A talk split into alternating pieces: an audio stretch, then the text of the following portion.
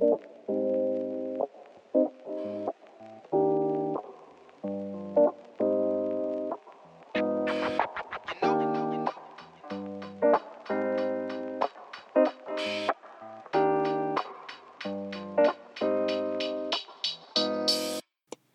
datang di Pos Kota. Ini bukan hanya tentang kota, ini tentang kita. Semua yang ada di kota boleh bercerita dan boleh bersuara. Akan kami sampaikan suara dan cerita semua tentang kita di kota. Bersama Kang Catuy dan Kak Mei.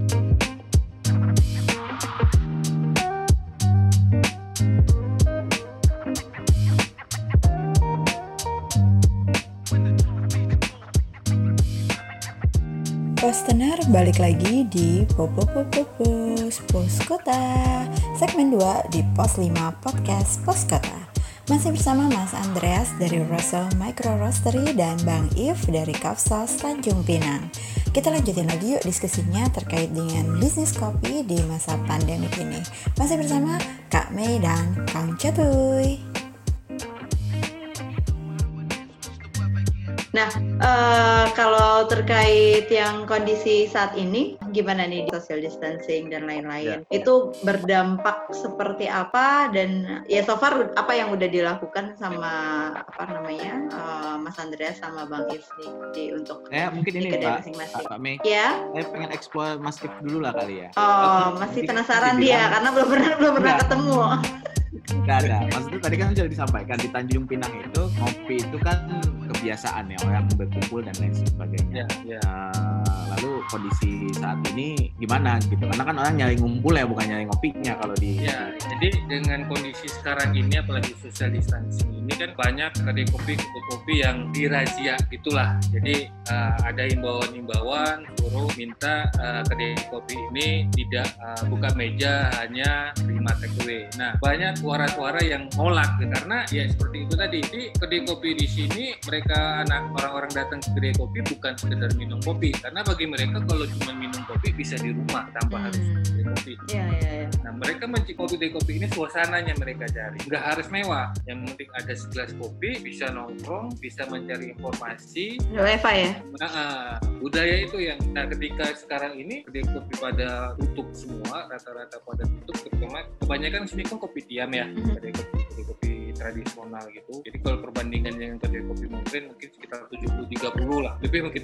75-25 lah. Jadi 75 persen kedai kopi sini kedai kopi tradisional yang bukanya itu biasa pagi sampai siang. Jadi kalau saya lihat di sini ada dari segi waktu aja udah beda nih dari si tradisional sama si kedai kopi rata-rata kalau di sini kopi modern itu bukannya siang siang sampai malam. Sampai malam ya? Malam. Tapi kalau kedai kopi tradisional itu pagi sampai siang hmm. menjelang sore. Nah pagi-pagi itu biasanya kedai kopi tradisional itu penuh. Mm-hmm. Jadi pegawai-pegawai di sini orang kantoran sebelum ngantor mereka ngopi dulu. Atau setelah absen mereka ngopi. Oke. Okay. Mm-hmm. Tetap nah. dengan tetap memperhatikan social distancing atau dengan seperti biasanya aja ngopinya? Uh, kalau sekarang memang dengan social distancing ini walaupun ada beberapa kedai kopi yang tetap kak, tapi mereka nggak nyediain meja. Jadi mereka uh, para pelanggan ini malas mau datang karena buat ya. apa kami ngopi, tapi kalau kami nggak duduk gitu. Hmm. Yang penting ngobrolnya yang hilang ya. Nah itu omsetnya gimana kalau buat Mas If sendiri? Biasa di berapa? 50 sampai berapa? 80 cup ya per hari ya? Terjun bebas. Terjun bebas. Nah, satu lagi, uh, sekarang kan ada metode online ya, delivery. Ya. Nah, memang sebelum COVID ini memang kita udah gunakan metode itu, walaupun hanya metode ini tidak semua kedai kopi itu menerapkan, karena seperti itu tadi saya bilang rata-rata kedai kopi tradisional itu mereka nggak ada betul-betul mengharapkan orang untuk datang untuk duduk kopi di sini. Kalau kopi shop modern mungkin masih bisa mengandalkan pun kopi sendiri juga turun, apalagi kedai hmm. kopi tradisional. Jadi memang kalau kondisi sekarang banyak yang tutup sih rata-rata kedai yang tutup ya? Ya, banyak yang tutup. Oke. Okay. Nah, kalau Mas Andreas sendiri gimana? Walaupun waktu itu kita pernah ngobrol ya, Mas ya. Uh, dampak ya. Uh, waktu itu masih ini ya, awal-awal Covid. Masih ya. iya, masih iya, awal-awal ya, social distance. Ya masih uh, orang boleh take away tapi ngambilnya di dalam. Ya, hmm. cuman memang di di atas kita udah tutup ya. kan. Udah udah udah udah nggak nggak terima untuk nongkrong. Nah, sekarang dengan dengan perubahan metode penjualan hanya boleh take away dan terima di depan, dibikinin ya. kopinya di luar, walaupun masih bisa go Gojek dan lain sebagainya terjun bebas juga mas atau ya melandai-landai dikit terjunnya atau gimana mas? Sama sih mas. Jadi apa namanya uh, semua ini kan kena semua industri ya. Jadi hmm. industri apa namanya F&B segala macam kena semuanya gitu kan ya. Kita juga apa kita juga terkena dampaknya gitu kan ya. Cuman ya kita berusaha apa ya berusaha mengatur ya mengatur ya kan ya. Ya seperti jam tutup kita kita apa kita kita cepatkan gitu kan. Itu kan memang perlu edukasi juga untuk ke customer ya. Jadi mereka yang tahunya sampai jam sekian sekarang lebih dibeli awal itu juga perlu waktu. Hmm. Sekarang apalagi dengan sosial media tadi itu akhirnya itu kita sampaikan terus kan dan itu udah lumayan orang udah nangkep lah gitu ya. Cuman ya itu adanya PSB PSBB sendiri juga itu kan akhirnya membatasi pergerakan mereka sendiri gitu ya. Akhirnya hmm. nah apa yang yang bisa hanya ojek online gitu kan. Oh, itu itu, hmm. itu berpengaruh juga gitu kan. Nah, cuman kebetulan kan karena memang kita ini jualnya bukan cuma minuman tapi juga beans, jadi masih kita masih bisa melihat apa ya cahaya lah untuk itu. Konsepnya karena intinya sudah membentuk komunitas ya. Um, ya komunitasnya komunitasnya juga uh, komunitas ya gitu kan ya. Terus kemudian edukasi yang mungkin kita sampaikan sejak 2014 itu untuk orang minum kopi beneran ya. Jadi jadi ada tagline kopi beneran. Ah, ah. atau minum kopi sehat ya kan ya? Itu adalah dengan roasted bean ya dengan kopi yang kopi bubuk itu yang kita punya itu kan? Dan jadi akhirnya orang ya beli beli kopi untuk diseduh sendiri. Tadinya ada ibu-ibu yang hanya suka beli minumannya sekarang dia juga menyeduh di rumah gitu kan? Ya itu positif gitu loh. Jadi uh, untuk untuk kita sendiri kita bisa bertahan ya kan ya? Untuk mereka sendiri untuk konsumen juga mereka bisa tetap menikmati produk itu gitu. Nah jadi kita kita uh, mematuhi dengan take away ya kan ya? Take away hmm. bisa datang datang datang pesen dan langsung pergi atau dengan ojek online ya kan ya terus apa yang kita jual juga selain minumannya juga beatsnya memang kita hmm. belum main di apa ya market apa sih mas yang yang kayak di topet kayak gitu gitu memang kita belum marketplace marketplace marketplace, marketplace gitu kan. hmm. memang kita belum main gitu kan ya Jadi kita sedang melihat menjajaki untuk itu sih cuman ya nanti mesti hmm. mesti apa ya produknya segala macamnya juga mesti tepat ya supaya orang juga pada saat melihatnya itu terutama customer ya hmm. melihat tuh mereka mendapatkan manfaat, mendapat tetap bisa mendapatkan manfaat, tetap ini ini rosso nih gitu kan ya. Yep, jadi, yep. jadi minumannya ini wah ini memang rosso gitu kan. Jadi pada mereka dapat pun mereka bisa dapat pengalamannya itu gitu. Biarpun pengalamannya terngiang-ngiang gitu kan ya. Kayak hari kayak beberapa hari ini juga customer kita juga mulai posting gitu kan, postingan-postingan lama 2017, 2015 gitu yang mereka lagi apa ngopi bareng banyak-banyak gitu kan. Rame-rame. Nah, di IG, di IG story yang hari ini ada tuh dua kalau nggak salah tuh ya. Jadi mereka uh, pernah uh, apa di Rosso rame-rame di depan tahun 2017 gitu kan. Nah, terus mereka bilang apa di rumah saja halu gitu loh nama hashtagnya. gitu. Bikinin dong Mas, Rosso Rosso challenge, Rosso challenge. Uh... ya Mas nanti saya keluarin foto lama waktu di Rosso. Okay ya, gitu. Jadi jadi ya itu apa namanya ya ya kita mesti kreatif sih. Kita kreatif, kita mesti ya berbuat lebih ya kan ya, tetap yeah. buka tapi tetap smart gitu ya. Yaitu dengan dengan anak buah diamankan ya kan dengan pakai masker, dengan pakai tutup, dengan pakai uh, hand glove kalau perlu, dengan ada apa uh, hand sanitizer yang banyak. Hmm. Uh, pokoknya tetap hal-hal seperti itu tetap protokol kita, tetap diikutin ya. Ya, protokolnya tetap harus seperti itu. Karena bagaimanapun juga oh, iya. untuk untuk anak-anak juga untuk untuk anak-anak juga mereka kan perlu perlu kegiatan perlu kerja juga. Gitu sih itu aja sih.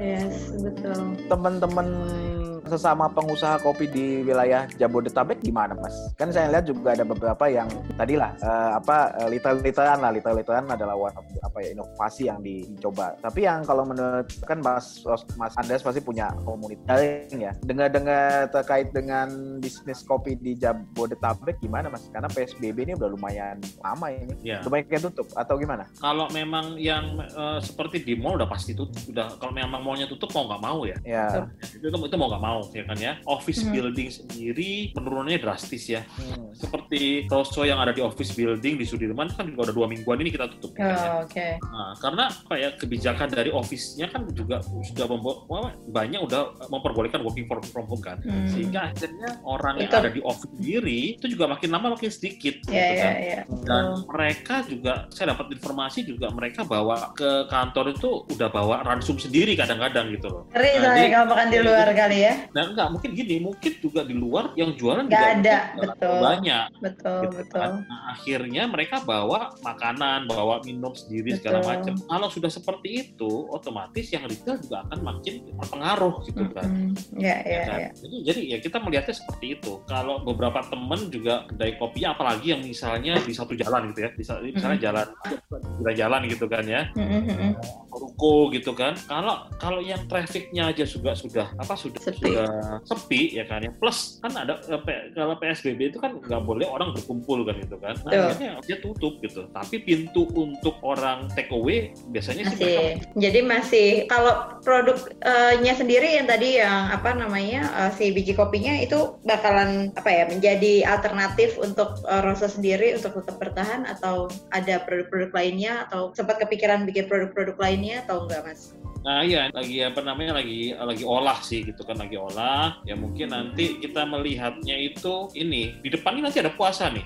Wah, ya puasa omset ter- biasanya sih 30% mah hilang 30-40% hilang gitu kan ya normal itu. Kalau normal mas- tanpa kan COVID-19. bukanya kan sore ke malam Iya, ya iya, mungkin terlalu iya. sih Iya. Nah, cuman kalau yang dari pagi ke sore segala macam itu biasanya sih terpengaruh gitu nah sehingga ya itu kita lagi mikirin produk-produk yang bisa mungkin dikonsumsi orang setelah itu setelah buka puasa kayak gitu Hmm, apa itu? Ha, tunggu tunggu waktunya. yes. Ya, tutup eh surprise Iya. dari dari Mas Andreas. Kalau Bang If gimana? Ada produk-produk apa namanya eh, menciptakan produk-produk baru atau apalah gitu untuk apa namanya masih tetap Ber- bertahan, Ah, ah, bertahan untuk survive. Eh, kalau kami memang lebih ke menghadapi yang kayak kondisi sekarang ini, pertama kalau dari segi produk itu memang eh, kita menciptakan menu-menu baru, upgrade menu-menu baru, eh, olahan-olahan menu baru eh, sebagai kayak signaturnya gitulah. Jadi bosan dengan menu A bisa beralih menu B. Jadi kita promosi menu-menu baru terus eh, kasih diskon, gitu, berikan diskon. Hmm, diskon ya. Nah, sama kita antar gitu. Jadi minimal pemesanan Tian dengan radius berapa kilo kita antar. Kita antarin free, kita free delivery.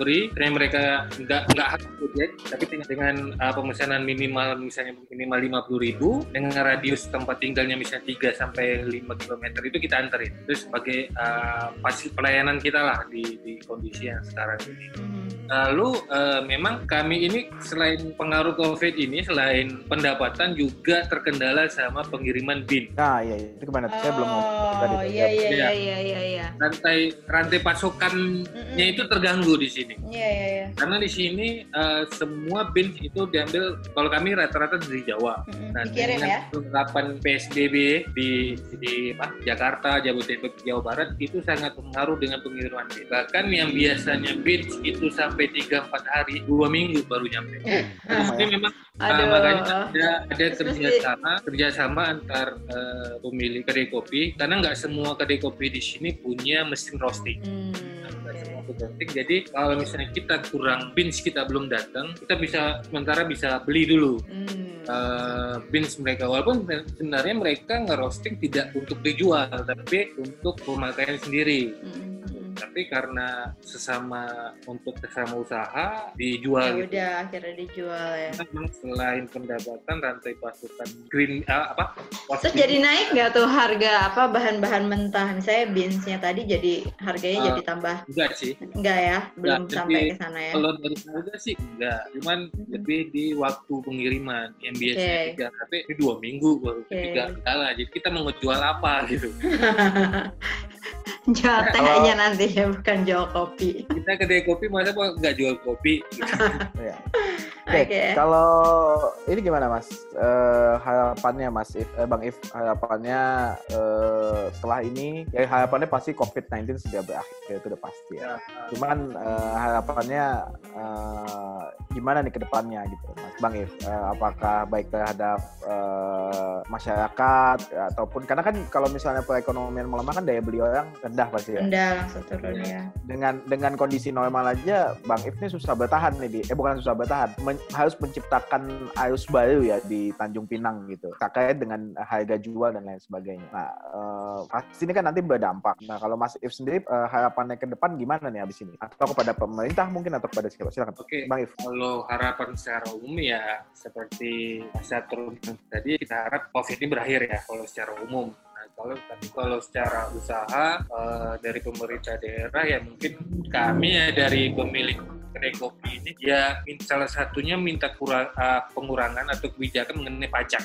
pajak usaha. Hmm. Karena gimana pun kita tetap bayar usaha pajak usaha itu per bulan. Itu yang mungkin uh, salah satu yang menjadi konsen kami gimana kebijakan pemerintah melihat ini loh ada UMKM UMKM dan Pinang yang mm-hmm. terkena dampak kedai kopi pada khususnya. Yeah. Ya gimana kami minta kebijakan menaiki pajak usaha per bulan. Lalu kalau nggak semua pemilik usaha kedai kopi ini punya sendiri, jadi mereka menyewa tempat. Mm. Nah di sini juga juga uh, kami juga mengharap kepada yang punya tempat untuk sewa ya? Untuk sewa untuk meringankan lah gitu meringankan dari kondisi penyewaan karena uh, dengan kondisi kayak gini ya, beli uh, untuk mendapat untung bisa nutupin operasional aja udah oke okay banget tuh kita nggak usah okay. bicara untuk nutupin operasional udah oke okay banget makanya untuk uh, salah satunya selain pemerintah kita juga konsen gimana si pemilik tempat ini bisa memberi kebijakan untuk uh, minimal pengurangan biaya sewa atau seperti apa gitu kan agar mm -hmm. kita juga nggak terlalu pusing gitu. Belum lagi karyawan belum personal gitu. Itu iya iya iya kalau Mas Andreas sendiri ngelihat ini gimana Mas Andreas?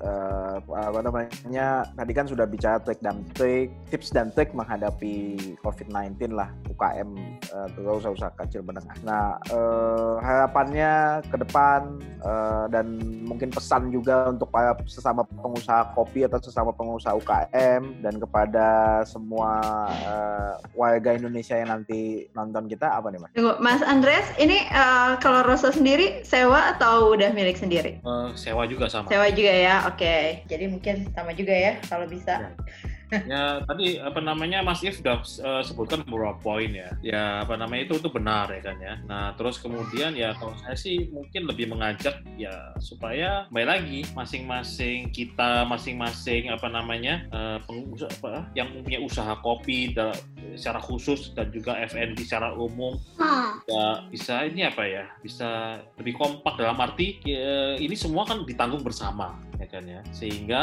uh, tidak ada yang merasa apa tidak ada yang terkena lebih dampaknya dibandingin yang lain gitu kan ya. Semuanya sama. Nah sehingga ya seperti halnya uh, campaign jangan perang harga itu juga kan itu juga uh, apa namanya uh, supaya bisa lebih uh, memberikan standarisasi terus kemudian ke depannya itu juga ya itu usaha usaha masing-masing event itu saling bisa apa ya bisa saling berkolaborasi ya sebetulnya ya ya kan ya. Terus kemudian hmm. terus uh, uh, untuk pemerintah pemerintah juga saya rasa sudah ya melakukan mereka selalu selalu melakukan usaha-usaha untuk rakyat juga gitu kan ya. Hmm. Nah, jadi kalau menurut saya sih ya itu apa ya ya ya, ya, ya kita kita kita kita berusaha untuk melewati ini bersama gitu sih Mas. Hmm. Dengan pendekatan kolaborasi tadi ya. Ya, iya, itu, itu yang utama. Jadi uh, peristiwa ini kan sebetulnya kan juga membuat kita belajar ya. Kita membuat kita semua ya, kita semua pelaku usaha antar usaha internal eksternal gitu kita belajar. Ini ini nggak pernah dihadapi nih dan ini kebetulan badainya besar sekali gitu kan ya. Nah sehingga nah, ya udah kita harus bertahan, ya,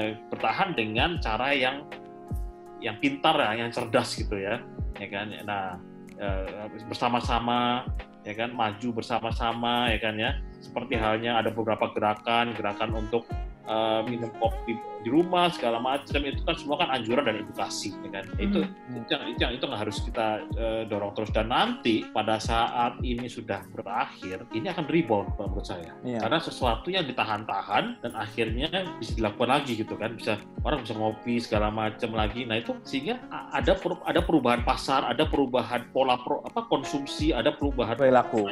ya nanti bisa malah kalau menurut saya sih memberikan warna lebih di industri. Kalau menurut ya. saya sih begitu sih. Iya, karena uh, sejarah menunjukkan sebetulnya setiap krisis itu ada yang tumbang, tapi juga ada yang berkembang sebetulnya.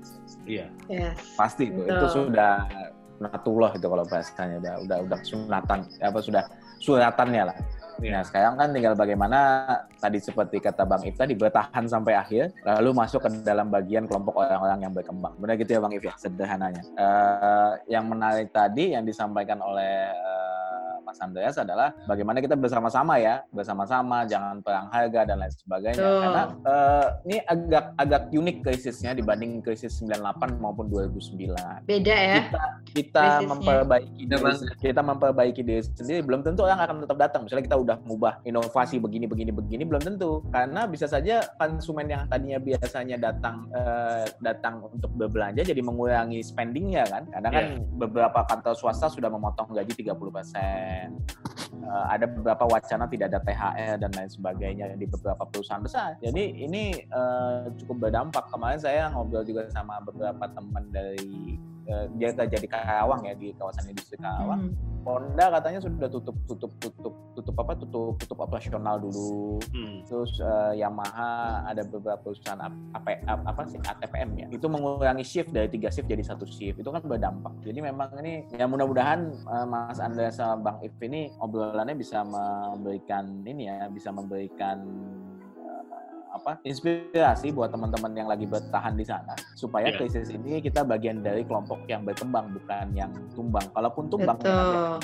setuju. Gitu Dan masih punya optimis me untuk menghadapi ini ya. Semoga yeah. mudah-mudahan cepat berlalu dan harus tetap semangat deh dan produktif. Yeah Betul. Ya, betul. Tetap Setuju. Tetap. Ya. Dan saya yakin juga sih semua orang tetap masih pada ngopi meskipun uh, di rumah gitu ya. Cuma ya. tinggal ya. tinggal kita gimana caranya mengambil apa namanya opportunity opportunity itu ya dan ya tadi apa namanya uh, punya kreativitas untuk produk-produk baru. Thank you banget Mas Andreas. Saya mau nanya. Oh, Mas, saya mau nanya, mau tanya lagi. Oke, okay, baiklah. Ya silahkan. Saya mau satu kalimat. Saya mau satu oh, kalimat okay. dari Mas Andreas dan Bang If. Mm -hmm siap. Apa pendapatnya soal Dalgona Coffee? Nah, Mas Andreas dulu. Gimana coba Dalgona itu? Coffee tahu nggak Mas? Tahu, tahu, gue tahu ya, gue nah. tahu ya. Gimana Mas? Gimana Mas pendapatnya Mas? If lo tahu nggak, Bang, kan, Bang If? Apa? Lagi happening nih di. Lo tahu nggak Dalgona Coffee? Uh, satu kalimat soal Dalgona Coffee. Good entry level. Good entry level, oke. Okay. Selalu optimis Mas Andreas tuh saya suka emang. Luar biasa. Selalu Bang positif vibe. Dalgona Coffee. Tahu nggak deh dia Dalgona Coffee? Dalgona Coffee. Yeah. Satu kalimat soal Dalgona Coffee. Adonan kue. Apa? Adonan kue. Tapi menurut saya itu kan itu cara orang Indonesia menghibur diri sendiri. Yeah. Saya pikir ini bangsa kita tuh luar biasa ya. Di saat kayak gini kita bisa menertawakan diri sendiri. Kita stres nggak bisa ngopi di luar, kita bikin, lalu kita menertawakan. Oh ini gini, oh bagus, oh bagus. Kreatif, tapi bro. tapi itu ini loh Mas Mas Catur dengan Mbak Mei ya. Ya. Orang ini ya kalau kita lihat ya di Instagram segala macam orang yang nggak bisa masak itu bisa masak loh sekarang. Oh iya. itu dia Mas betul. Ada cookpad Mas. Doang. Ada cookpad namanya cuma mas. saya doang yang yang jadi gak... orang yang nggak bisa sesuatu tiba-tiba dia jadi bisa gitu loh. Ya, saya menambah skill ngedit video. Saya menambah nah, skill ngedit video. Iya, makanya ya, jadi saya menambah jadi, pengetahuan. jadi semua itu ada ada value ya ada nilai yang ya. bisa dikembangkan di balik itu gitu loh.